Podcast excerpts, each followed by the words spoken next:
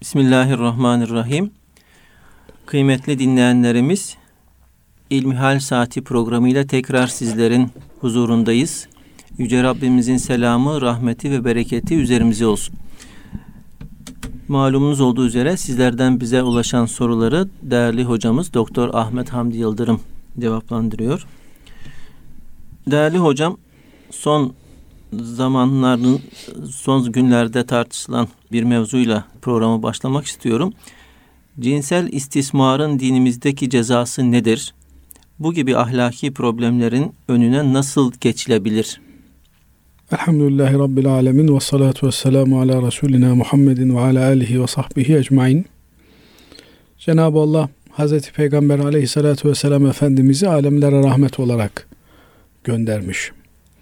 Binaenaleyh o dinin mensubu olan Efendimiz Aleyhisselatü Vesselam'ın getirmiş olduğu İslam dinine bağlı bulunan kimseler her şeye rahmet olarak bakarlar.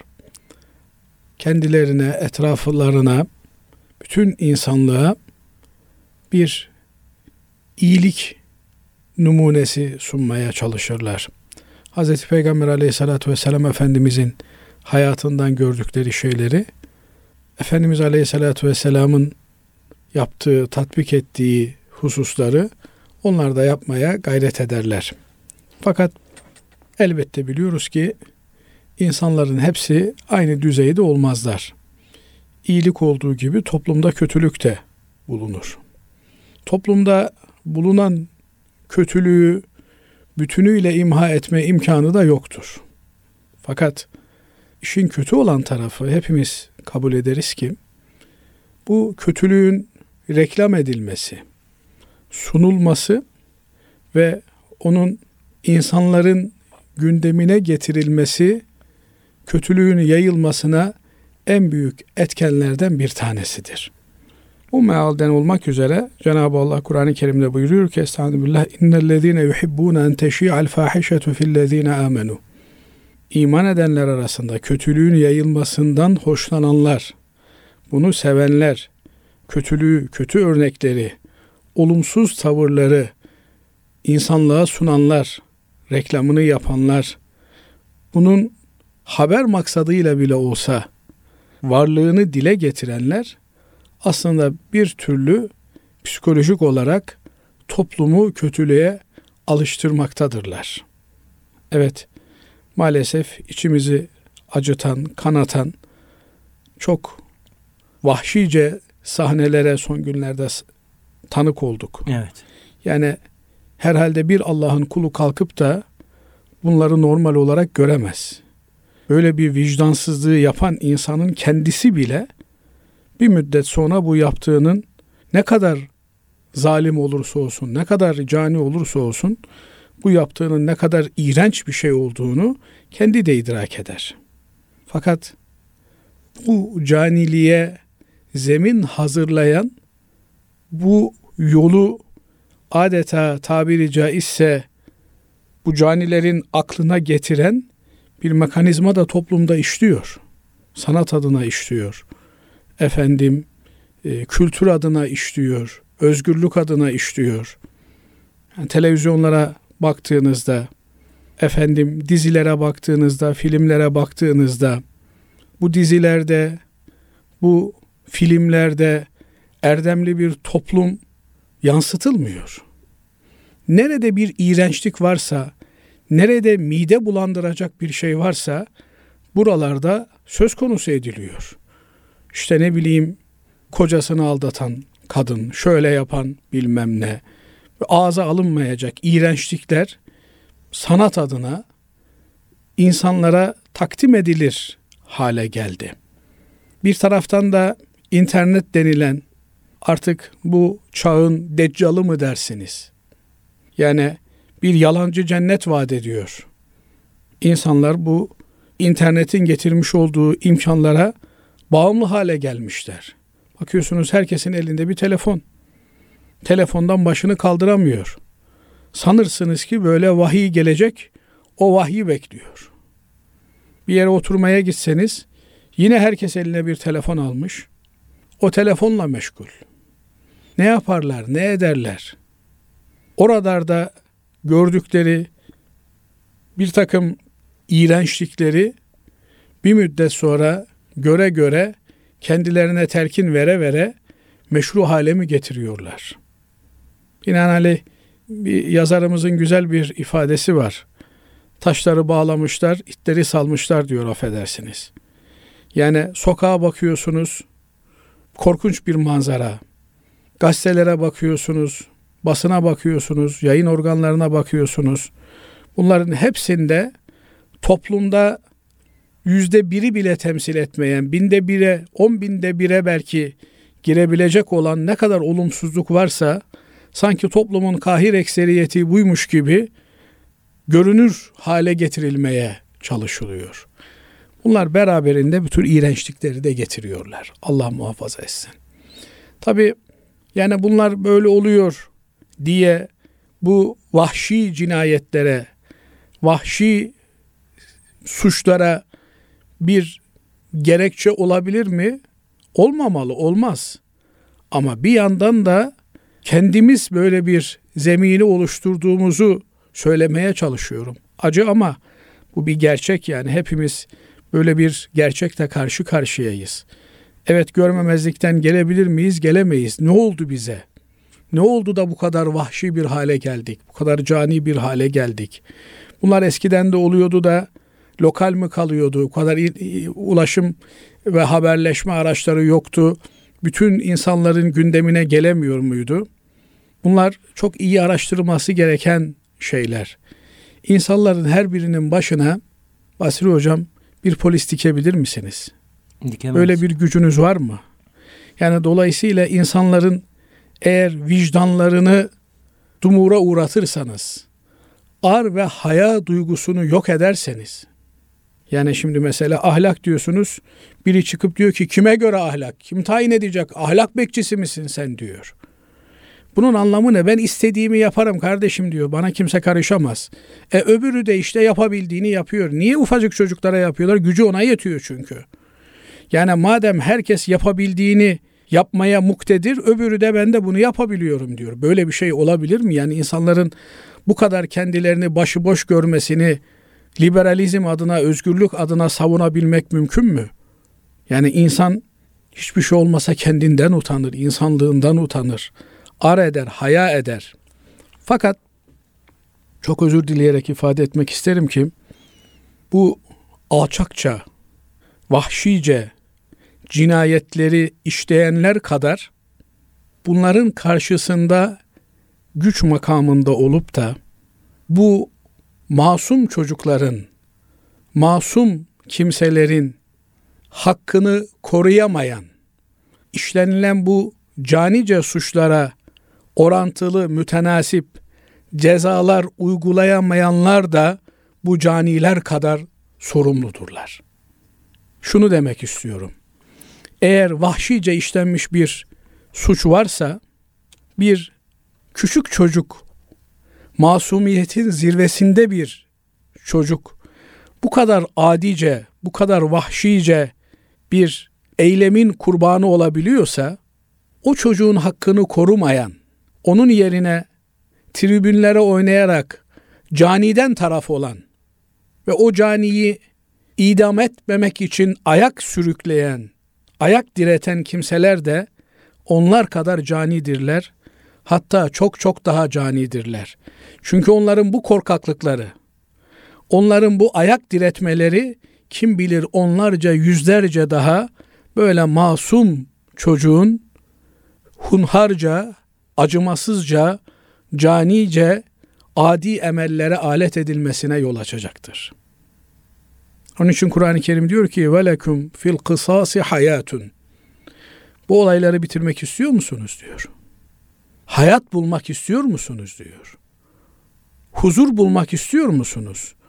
O zaman tek çıkar yolunuz kısastır diyor. Velekum fil kısasi hayatun sizin için kısasta hayat vardır diyor. Ne demek? Yani eğer öldüren öldürüleceğini biliyorsa öyle eline pompalı tüfeği alarak etrafına rastgele kurşun yağdıramaz. Şimdi ne oluyor? Efendim suç işleyenler, caniler çok profesyonelleşmişler. Ceza hukukunu yalamış yutmuş en üst seviyede profesöründen daha iyi biliyor. Eğer diyor ben iki bardak uyuşturucu bir şey içersem diyor akli meleklerim yerinde değildi diye savunma yaparım. Ama bunlar netice itibariyle masum insanlara musallat oluyorlar. Binaenaleyh bir cinayet işleyen kimi öldürürse öldürsün. Bir insan öldüren kimse netice itibariyle kendisinin öldürüleceğini bilirse kolay kolay kimseyi öldürmez. Öldürmeye teşebbüs edemez. Ederse de eh kendi bilir. Karşılığında kendi hayatıyla bu suçunun ceremesini çekmiş olur.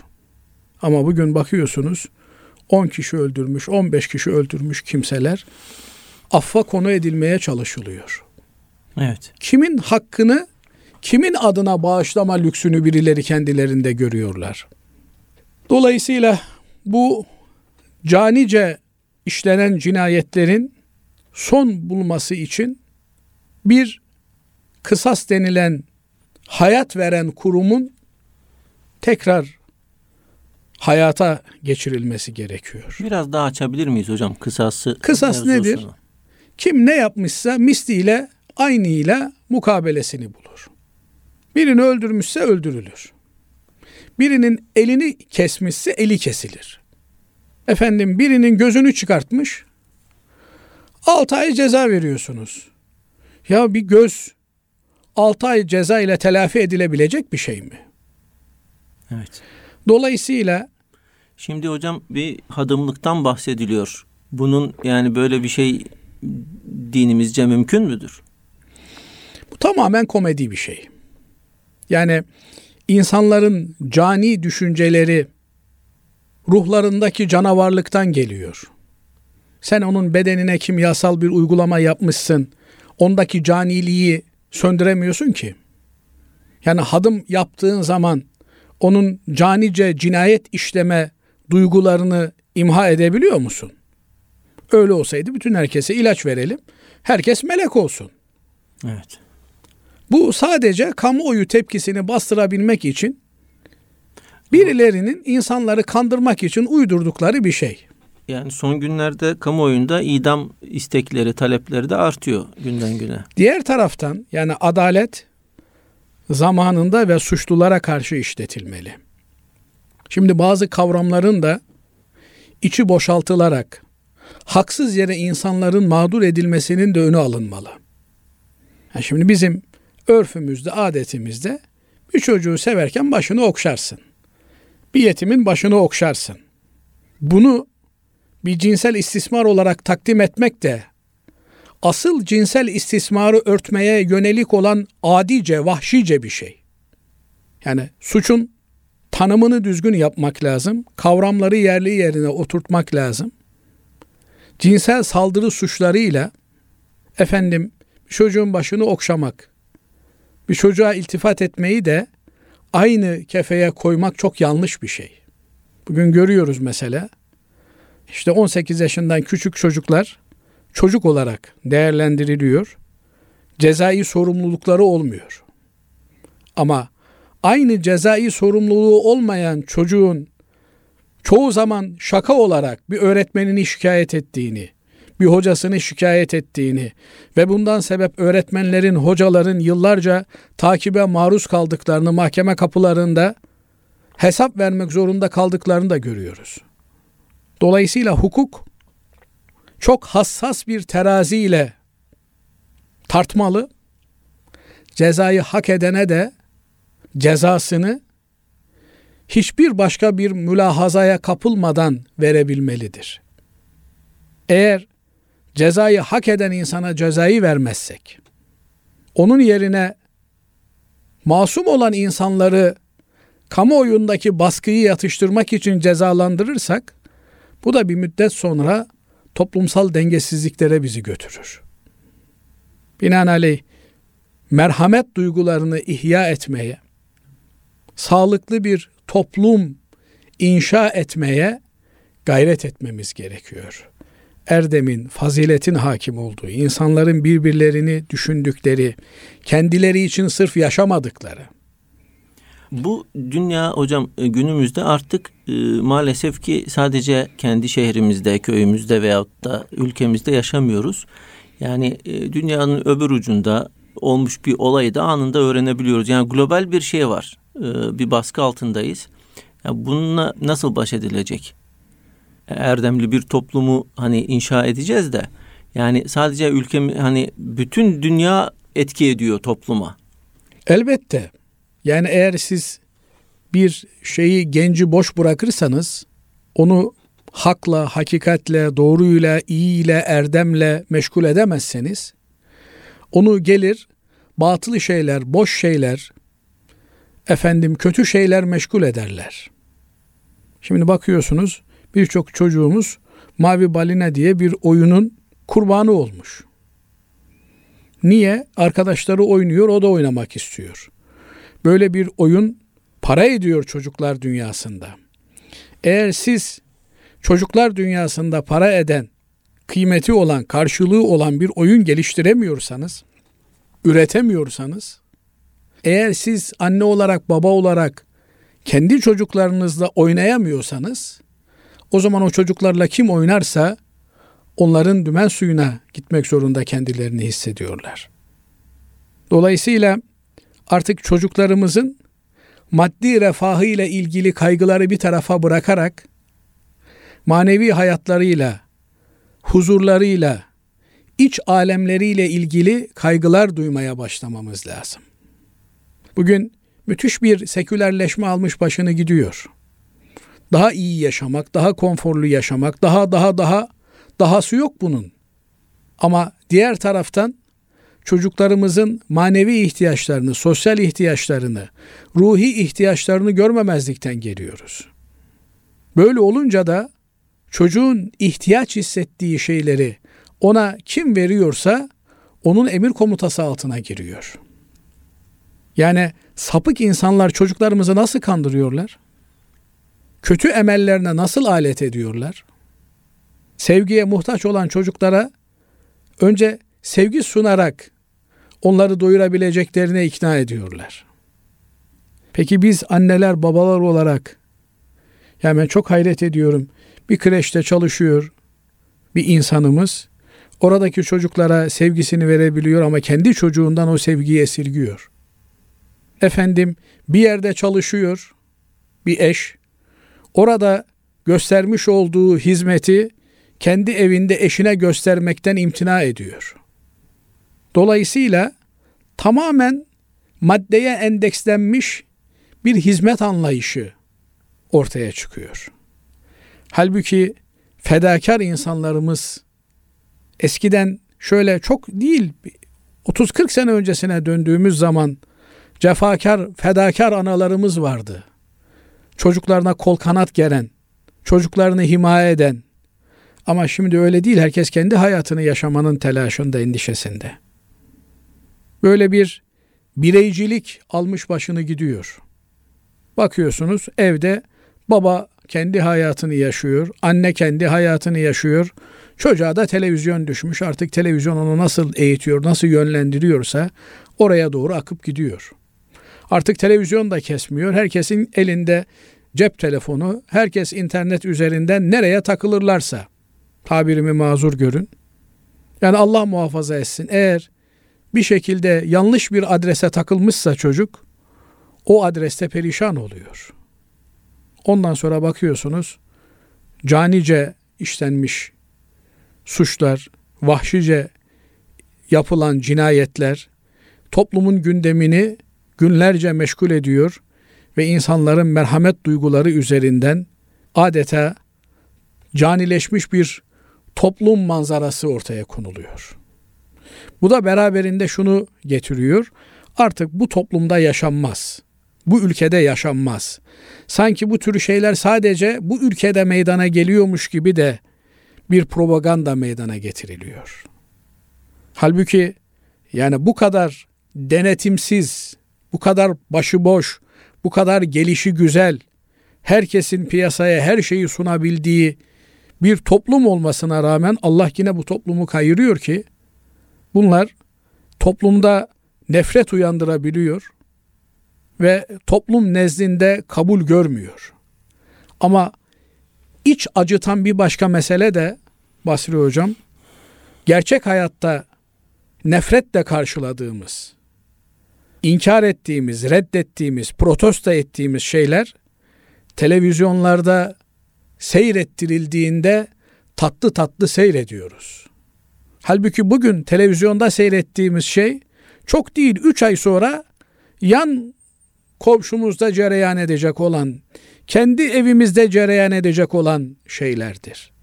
Biz onu televizyonda sanki uzay devletinde yaşanan şeyler gibi seyrediyoruz ama e, hocam şöyle diyelim ki yani bir kişi seyretmedi. Yani önemli bir kesim yani şu televizyonlarda seyredilmese dahi bu diziler, bu şeyler hep devamlı e, gösteriliyor. Yani reklam gelirleri bu televizyonların yani toplumla neredeyse hiç e, toplumu göz önünde bulundurmuyorlar gibime geliyor. Bugün e, televizyonlar, reklamlar vesaireler 3 sene sonrası, 5 sene sonrası toplumu inşa etmek için mühendislik projeleri olarak karşımıza çıkıyor. Yani bundan 100 sene önce batıda bile bu kadar açıklık saçıklık göremezdiniz. Evet. Ama televizyon denilen kitle yayın araçları denilen nesneler aracılığıyla kademeli kademeli insanlara bu tür bir yaşam tarzı dikte edildi. Bir müddet sonra da bu mahalle baskısı haline geldi.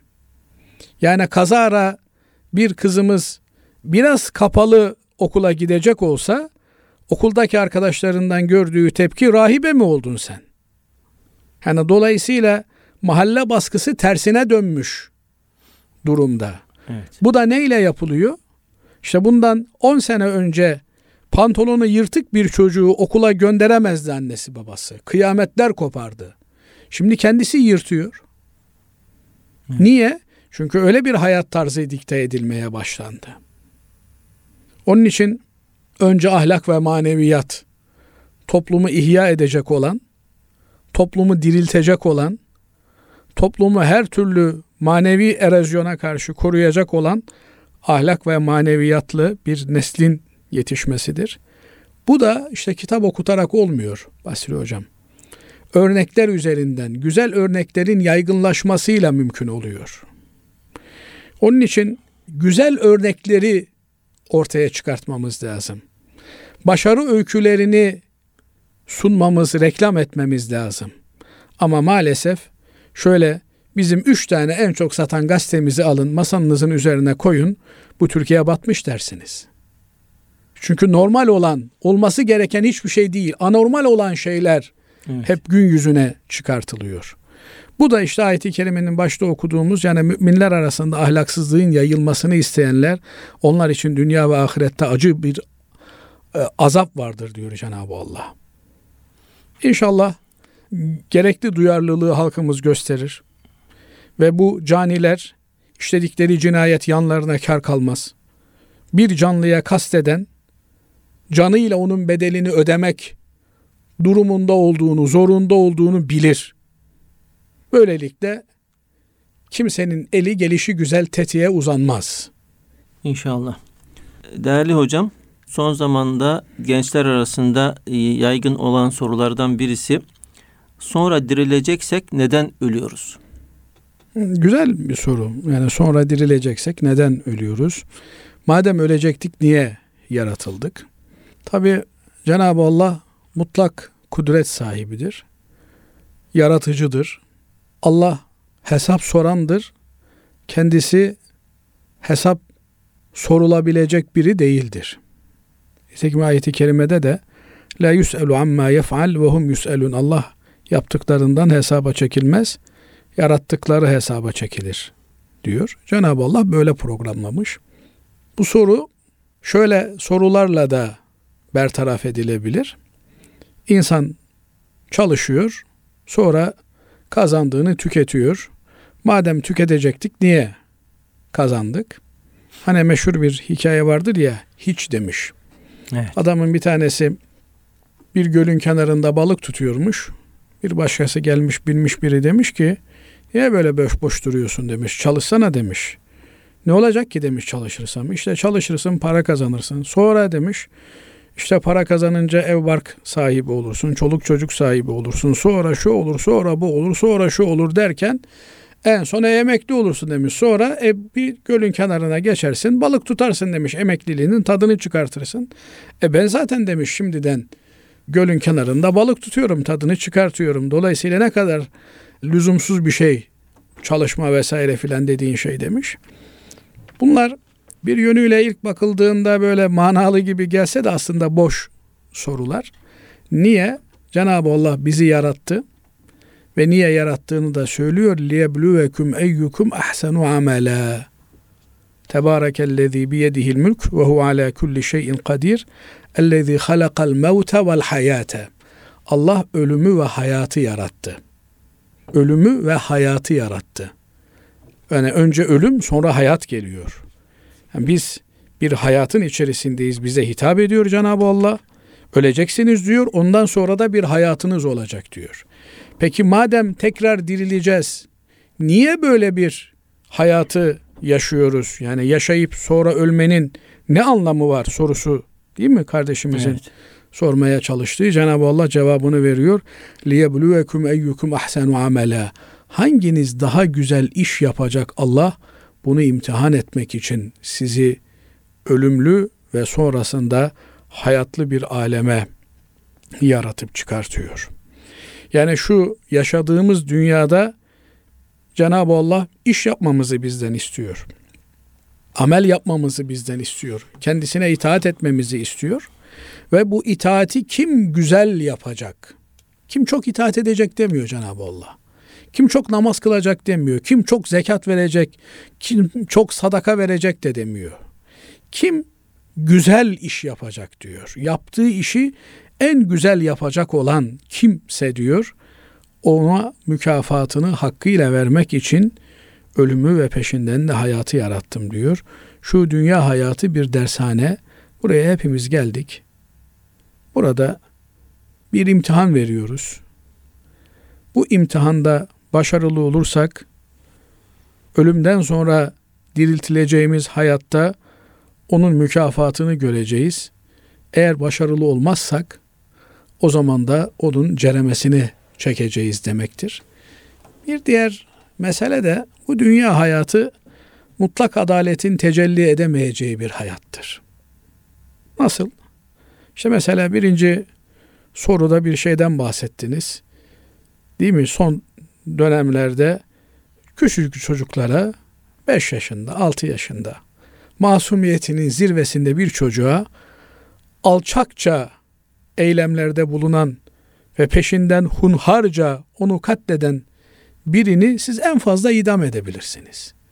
Bugün hoş idam da ettirmiyorlar ya. İşte 10 sene 15 sene hapis cezası veriliyor. Bu hapis cezası veya idam etseniz verdiğiniz idam cezası onun yapmış olduğu caniliğe, vahşiliğe, hunharlığa mukabil olabilir mi?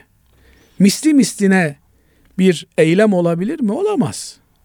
Dolayısıyla bu dünyada adalet tecelli etse bile eksik ve nakıs tecelli eder.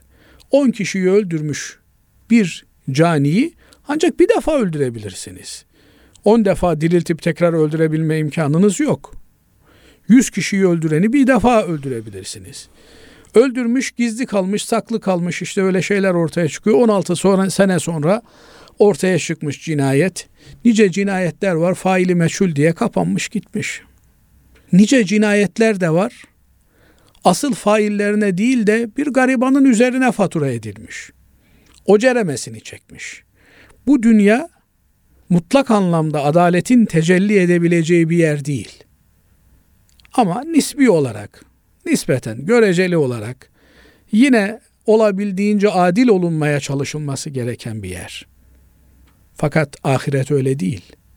Ahiretle ilgili Cenab-ı Allah femen ya'mel miskale zerretin hayran yarah diyor. Kim zerre miktarı bir iyilik yapmışsa. Nedir zerre hocam?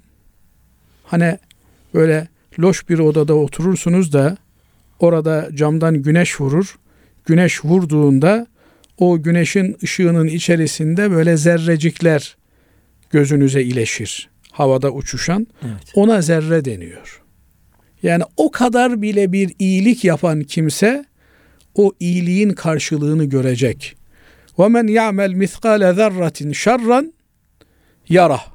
Kim zerre miktarı yani adeta gözle görülemeyecek kadar küçük bir miktar kötülük de yapsa onun da karşılığını görecek ahirette.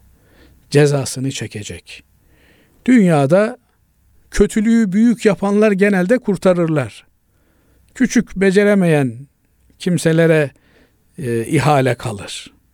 Ama ahirette öyle değil. En basitin basitin basiti bile iyilik de olsa, kötülük de olsa karşılığı muhakkak verilecek. Dolayısıyla adaletin gerçek anlamda tecelli edeceği, yaşanacağı yer ahirettir. Bugün insanlar makamı var, mevkisi var, efendim titri var, ünvanı var. Onun üzerinden insanları ezebiliyorlar. Malı var, serveti var, zenginliği var, saltanatı var. Onun üzerinden Allah'ın eşit yarattığı insanlara karşı bir ayrımcılık güdebiliyorlar. Ama yevme yasdurun nasu eştata insanların eşit olarak yaratıldığı, ayrı ayrı olarak kabirlerinden çıktığı o hayatta hiçbir makam yok, hiçbir mevki yok. Herkes bembeyaz kefen diyeceğim, kefen de yok. Nasıl anadan doğduğumuzda dünyaya eşit imkanlarla geliyorsak, ahirette dirilişimizde de eşit imkanlarla diriliyoruz. Allah'ın huzuruna geliyoruz. Dünyada saltanatın varmış geçmiyor ki. Dünyada servetin varmış orada geçmiyor ki. Orada dünyada yaptığın iyilikler geçiyor. Yaptığın kötülükler hesabı soruluyor. Dolayısıyla niye madem dirileceğiz ölüyoruz işte bundan dolayı hesaba gidiyoruz. Yani niye imtihan yapılıyor der gibi bir şey. He, şöyle bir soru sorulabilir mi? Sorulur tabii. Yani Cenab-ı Allah bilmiyor mu bizim Evet. iyi olduğumuzu veya kötü olduğumuzu?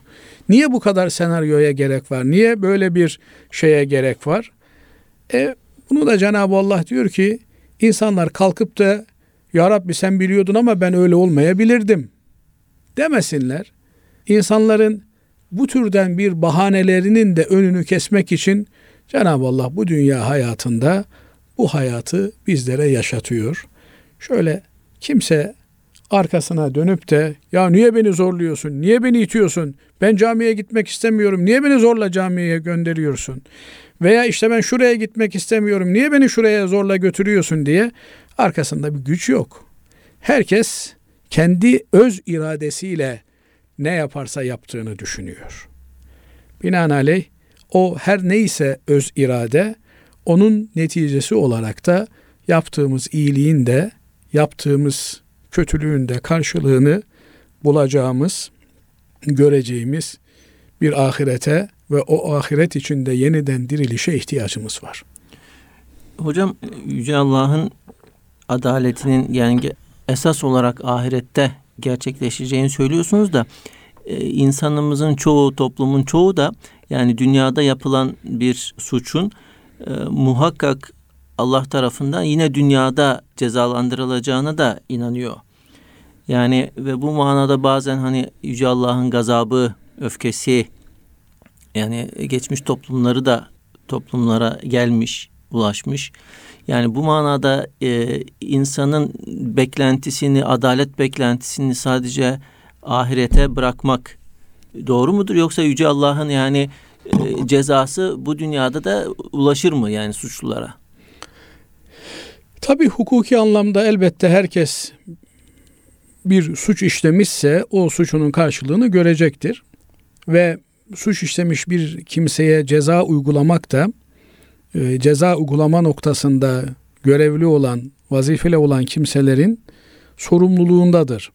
Nasıl olsa Allah bunun cezasını verecek diye onu görmemezlikten veya ceza uygulamamazlıktan gelemez. Fakat benim burada söylemek istediğim şey farklı.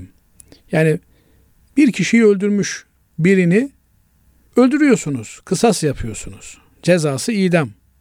10 kişiyi öldürmüş birinin de cezası idam. Evet. Dolayısıyla eşitlik var mı burada? Yok. Yok.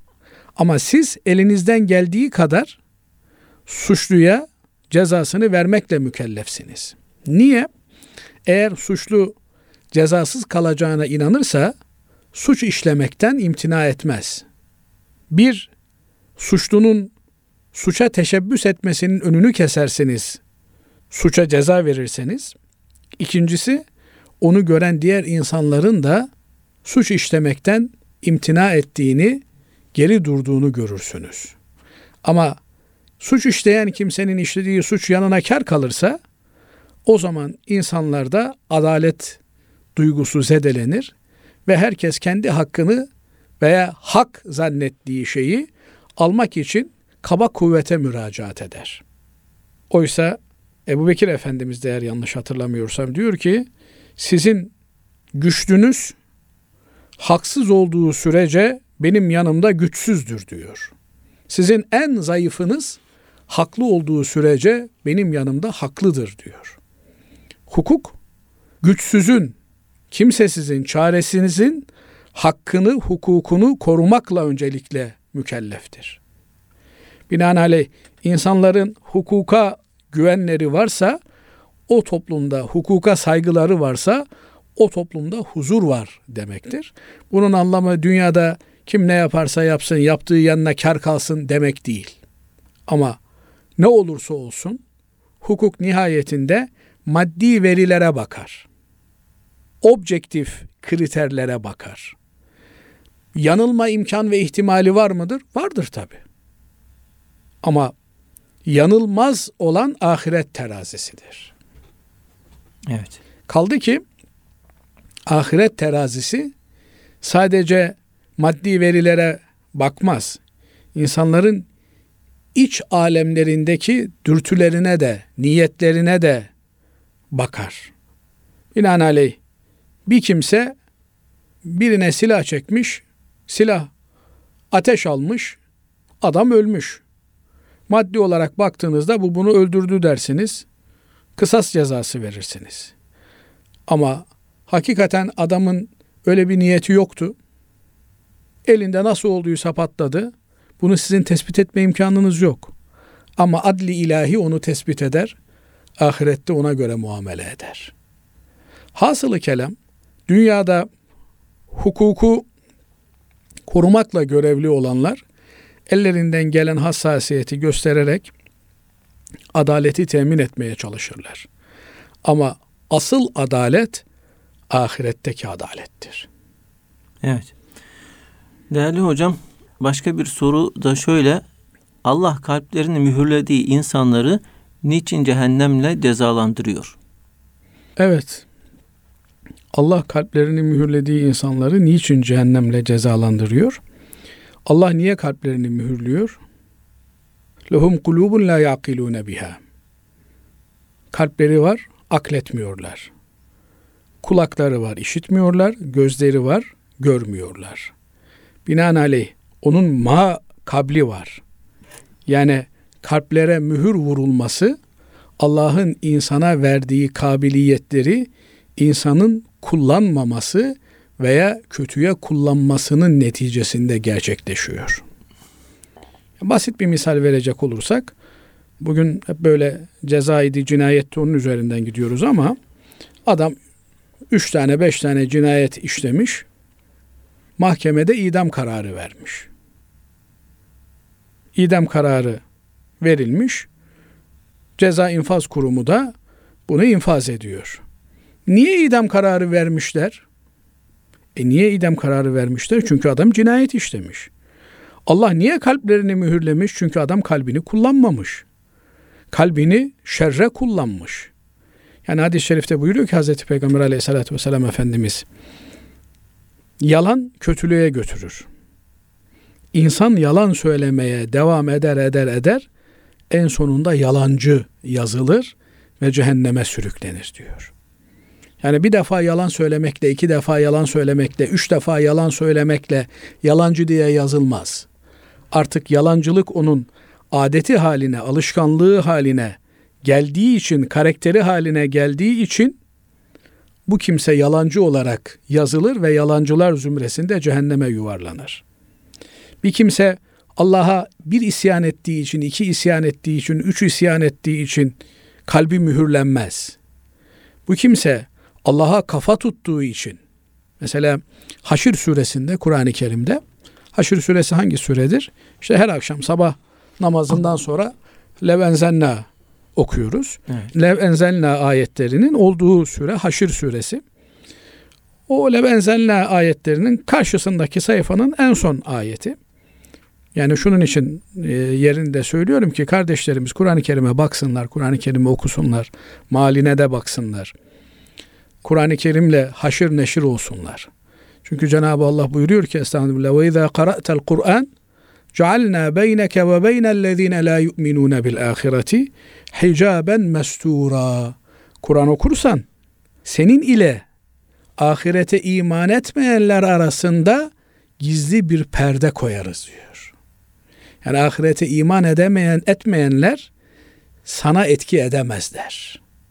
Ama Kur'an okumazsan, Kur'an'la gününü geçirmezsen, gününe Kur'an'la başlamazsan o zaman ahirete iman etmemiş kimselerin etki alanında kalırsın.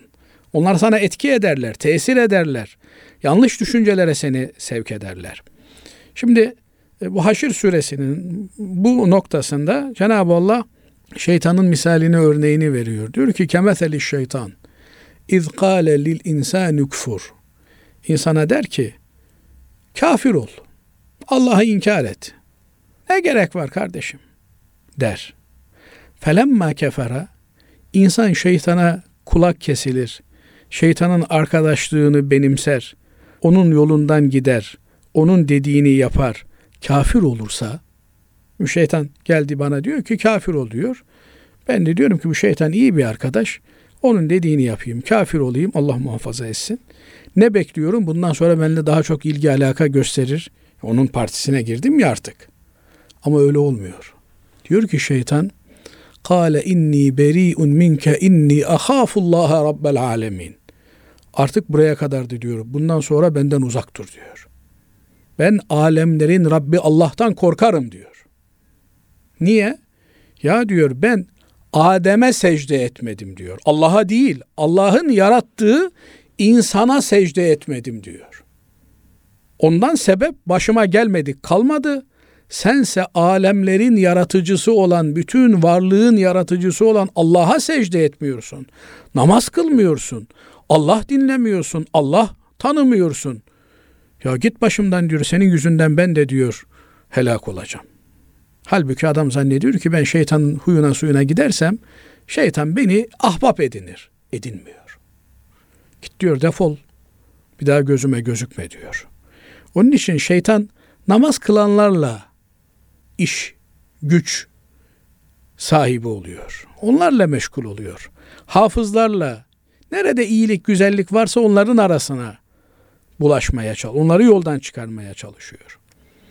Binaenaleyh bize düşen şey e, şeytanın bu kandırmacalarına karşı uyanık olmak, dikkatli olmak, Allah'ın emrettiği şekilde Allah'a kul olmaya çalışabilmek Öyle yaparsak muvaffak oluruz.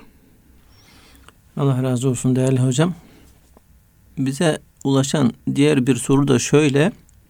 İçki öncekilere yavaş yavaş yasaklanmışken bizlere neden direkt olarak haram kılındı? Şimdi tabii bu çok anlaşılması basit bir mesele. Niye? Allah muhafaza etsin. Madde bağımlısı bir insan düşünün. Bunu kurtarabilmek için dozu azaltıla azaltıla verilir. En son yasaklanır. Ama hiç bulaşmamış bir kimseye kesinlikle sakın ha böyle bir şeye yasak yaklaşma denilir. İçki de toplum düşünün sudan fazla içki tüketiyor. Bu topluma birden içkinin yasak olduğunu söylemek onlarda e, biz bu yasağa uyamayız şeklinde bir e, psikolojide ifade edilen öğretilmiş çaresizlik anlayışı var. Yani biz bırakamayız bunu. Böyle olunca da bu e, yasağın gelmiş olması onun uygulanmasına e, bir sebep teşkil edemeyecekti belki de. Onun için Cenab-ı Allah kademeli olarak içkiyi yasaklıyor. Önce içki içenler namaza yaklaşmasın diyor.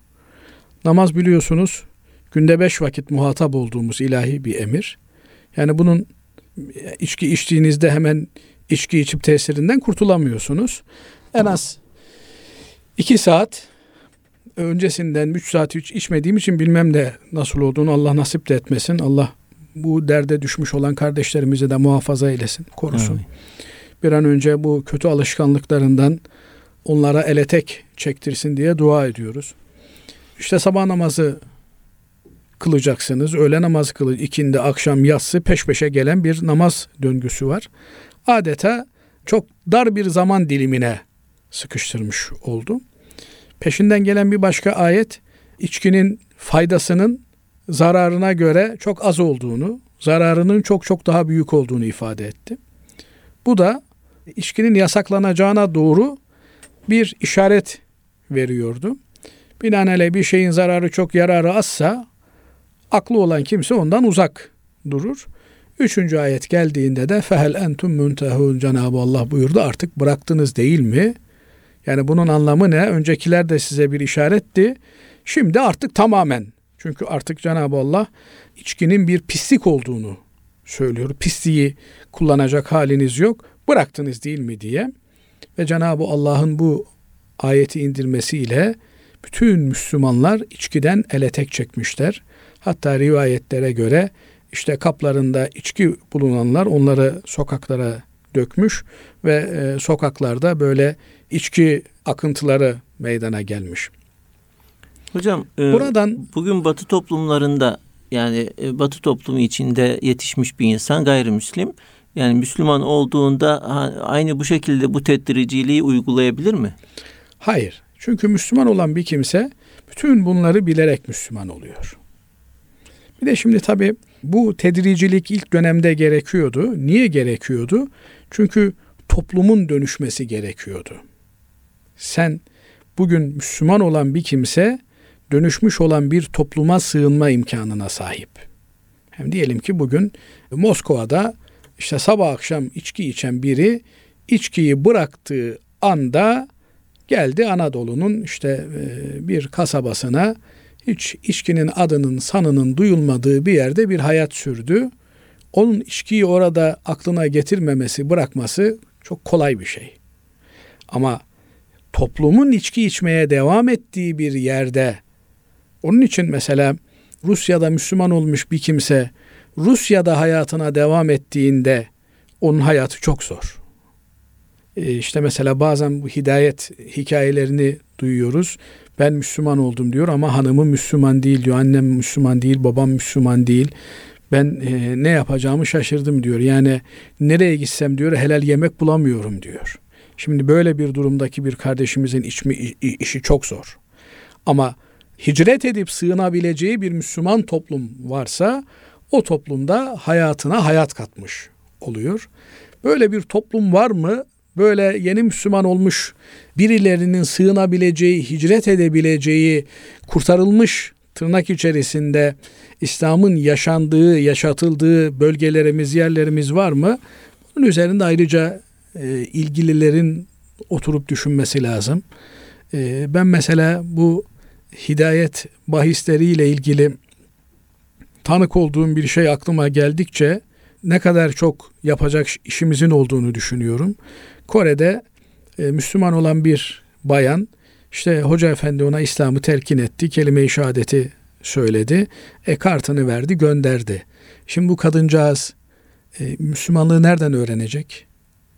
Yani bu kadıncağızın sığınabileceği, girebileceği, eskiden dergah dediğimiz, işte iki ayını, üç ayını, beş ayını geçirebileceği, Müslüman kadınlarla beraber oturup kalkabileceği bir yerin, bir mekanın olması lazım. İslamiyet'i sindirene kadar, öğrenene kadar hayatını sürdürebileceği böyle mekanlar tesis etmemiz gerekiyor. Özellikle de yeni Müslüman olmuş olanlar için böyle kardeş aileler ihdas etmemiz gerekiyor. Hasılı kelam ben konuyu dağıtmayayım. Binaenaleyh yeni Müslüman olan bir kimse İslam'ı 23 senede e, tedricen yaşama imkanına sahip midir? Değil. Hayır. O çünkü artık her şeyi biliyor. Ona göre Müslümanlığa geliyor. Müslümanlığı seçiyor. Ama kabul etti. Evet içki haramdır dedi de becerip de vazgeçemedi. İşte arada bir yine nefsine yenik dündü içti. Cenab-ı Allah affetsin. Dua ederiz Cenab-ı Allah onu bu e, kötülükten kurtarsın. Ama bunun en azından itikat düzeyinde böyle olduğuna inanmak mecburiyeti olduğunu da bilmek gerekiyor. Öbür türlü şeye döner. Yani ben işte 6. yıl Müslümanıyım bana şunlar helal bunlar haram. Efendim işte ben 10. yıl Müslümanıyım evet. bana bu bu pratikte de uygulanması mümkün olmayan bir şey. Hazreti Efe, Aleyhisselatü Vesselam Efendimizin döneminde de olmamış. Yani şimdi hicretin işte 6. senesinde Müslüman olan birine Hazreti Peygamber Efendimiz dur daha sen iman aşamasındasın sana namaz farz olmadı oruç farz olmadı dememiş. O güne kadar ne varsa hepsini bunları yapacaksın demiş. Binaenaleyh bu bir şeytani vesvese böyle bir şey yok. Bundan da emin olmamız gerekiyor. Bugün Müslüman olan bütün İslamiyet'i kabul ederek Müslüman olmak durumunda. Allah razı olsun değerli hocam. Kıymetli dinleyenlerimiz programımıza sorularınızı ilmihalsaati.erkamradyo.com adresine gönderebileceğinizi hatırlatmak istiyorum. Hepinizi Allah'a emanet ediyoruz efendim. Hoşçakalın.